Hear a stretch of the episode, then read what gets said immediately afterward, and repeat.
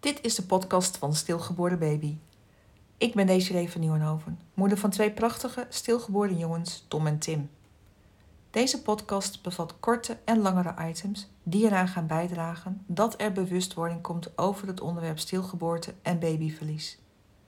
Nog altijd voelen ouders die dit overkomen is zich alleen en eenzaam en vaak onbegrepen. Ik wil ervoor zorgen dat deze gevoelens de wereld uitgaan. Want ook bij een stilgeboorte word je ouder, ben en blijf je altijd ouder. In deze aflevering heb ik het over. Psst, heb je het al gehoord? Twee vriendinnen zitten thee te drinken en praten over dingen die hun bezighouden. Het kunnen ook mannen zijn overigens. Alleen weet ik dan niet of ze aan de thee zitten. Geen idee. Dan zien ze jou voorbij lopen. Het gesprek maakt een wending en opeens ben jij de hoofdpersoon van hun gesprek. Jouw verhaal wordt uitgebreid besproken. Wat jou is overkomen, dat het verschrikkelijk is wat je hebt meegemaakt. Beiden hebben hun mening al snel klaar en vinden er wat van. De een vindt dat je niet zo moeilijk moet doen en de ander vindt dat het verdriet nu al lang genoeg heeft geduurd. Ze zijn het er roerend over eens dat je de schouders er gewoon onder moet zetten en dat je je leven weer moet oppakken. Het gesprek heeft een hoog roddelgehalte. De reacties zijn hard en getuigen niet echt van inlevingsvermogen. Ze vormen hun mening en hebben geen idee waar ze dat op staven.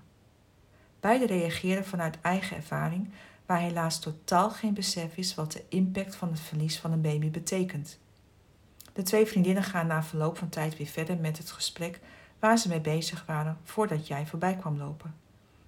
De tijd verstrijkt en ieder leeft zijn of haar leven. En dan?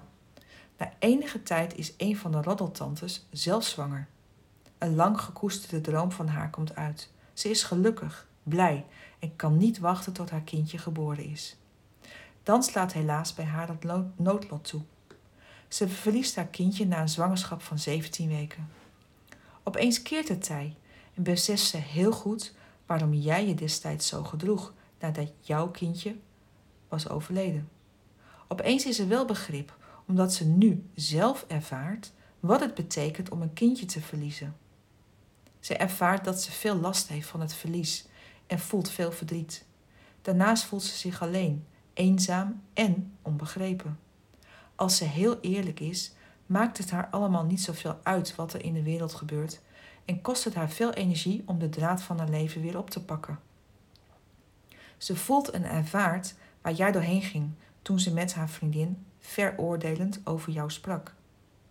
Nu pas beseft ze wat een verschrikkelijke periode jij moet zijn gegaan. Het is mijn doel dat bovenstaande acties, reacties en gedrag tot een verleden gaat behoren. Ik wil het onderwerp stilgeboorte en ook miskramen lichter en luchtiger laten voelen door bewustwording te creëren. Als mensen weten wat er gebeurt in het leven van een vrouw of man die een zwangerschap zijn verloren, dan kunnen ze zich beter verplaatsen. Bewustwording zorgt ervoor dat er meer begrip komt en dat mensen er echt voor elkaar kunnen zijn. Mijn boek Stilgeboren is een verhaal van een moeder die een miskraam heeft gehad en vervolgens twee keer afscheid heeft moeten nemen van een gezonde zoon, omdat ze zelf ziek was. Met mijn boek wil ik laten inzien dat het leven echt niet alle glans heeft verloren als je dit meemaakt. Abonneer je op mijn kanaal om erkenning, herkenning te krijgen over stilgeboorte. Ken je mensen in jouw omgeving die dit is overkomen? Attendeer hen dan op deze podcast. Samen krijgen we het taboe dat op stilgeboorte rust de wereld uit. Wil je meer weten over stilgeboorte en door welk proces je als ouder heen gaat? Lees of luister dan mijn boek. Het boek is te bestellen op stilgeborenbaby.nl.